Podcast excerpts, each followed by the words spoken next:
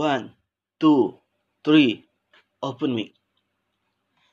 Assalamualaikum warahmatullahi wabarakatuh. Apa kabar rekan-rekan sekalian? Baiklah, di sini saya Nasrul Maliki akan membuat podcast mengenai pasar keuangan internasional.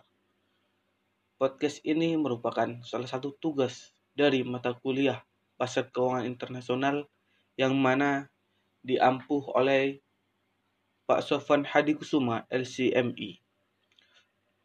Baiklah, di sini kita akan berbincang mengenai pasar keuangan internasional yang mana merupakan salah satu hal yang penting untuk dipelajari dalam ekonomi Islam. Baiklah rekan-rekan sekalian, maka di sini kita sebelum masuk ke dalam pasar keuangan internasional lebih detail, sebaiknya kita harus lebih memahami definisi apa itu pasar keuangan internasional. Nah, dari sini kita akan memahami secara detail satu persatu apa itu pasar keuangan internasional. Nah, definisi dari pasar sendiri adalah salah satu dari berbagai sistem, institusi, prosedur, hubungan sosial dan infrastruktur di mana usaha menjual barang, jasa dan tenaga kerja untuk orang-orang dengan imbalan uang, barang dan jasa yang dijual menggunakan alat pembayaran sah seperti uang fiat, uang flat. Nah, di sini definisi pasar itu kita memahami di mana di pasar tuh ada barang dan jasa itu diperjualbelikan. Semisalnya uh, di pasar secara langsung seperti pasar sayur. Nah, saya menjual sayur yang segar. Nah, ibu-ibu rumah tangga atau masyarakat membeli sayur dari saya. Nah, di sini mereka membeli barang saya. Itu merupakan definisi dari pasar.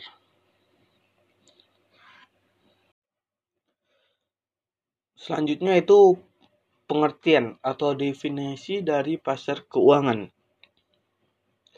Pasar keuangan sendiri adalah merupakan mekanisme pasar yang memungkinkan bagi seorang atau koperasi untuk dengan mudah dapat melakukan transaksi penjualan dan pembelian dalam bentuk sekuritas keuangan seperti saham dan obligasi.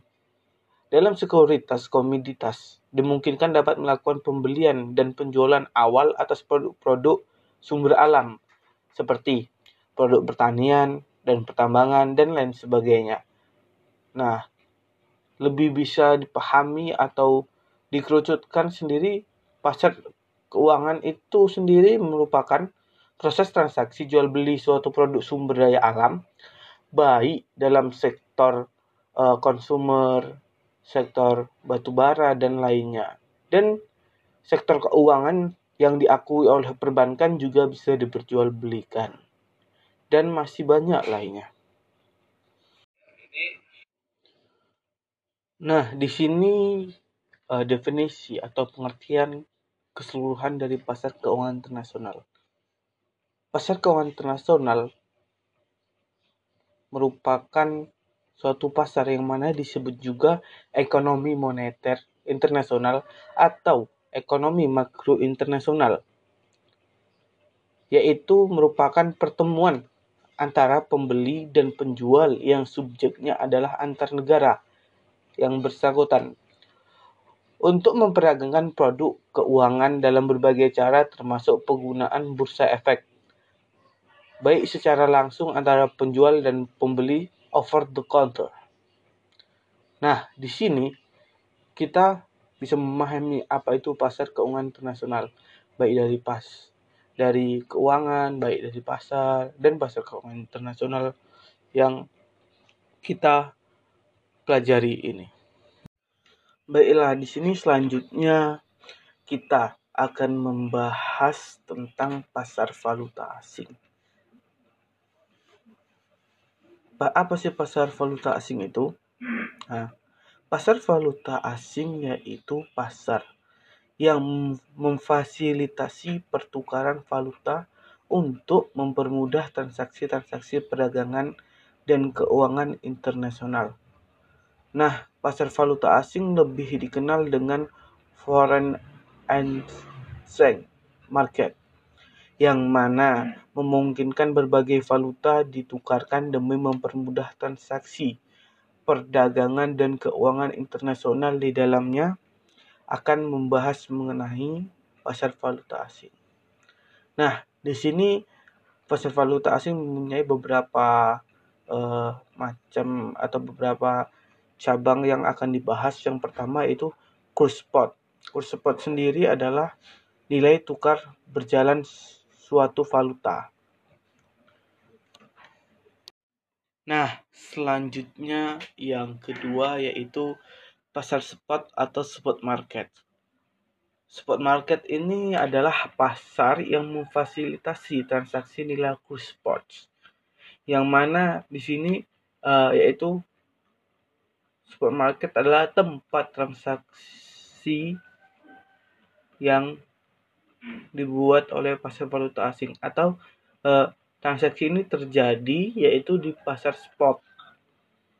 Jadi bisa dibilang dia uh, pasar spot ini atau spot market memfasilitasi tempatnya atau uh, suatu uh, ruang lingkupnya. Nah, di sini nggak bisa kita bayangin dia sebagai bangunan atau apa. Jadi dia hanya beberapa jam saja pasar spot ini atau spot market berlangsung. Nah, dia tuh pasar spot ini memfasilitasi orang orang-orang untuk menjual belikan pasar valuta asing.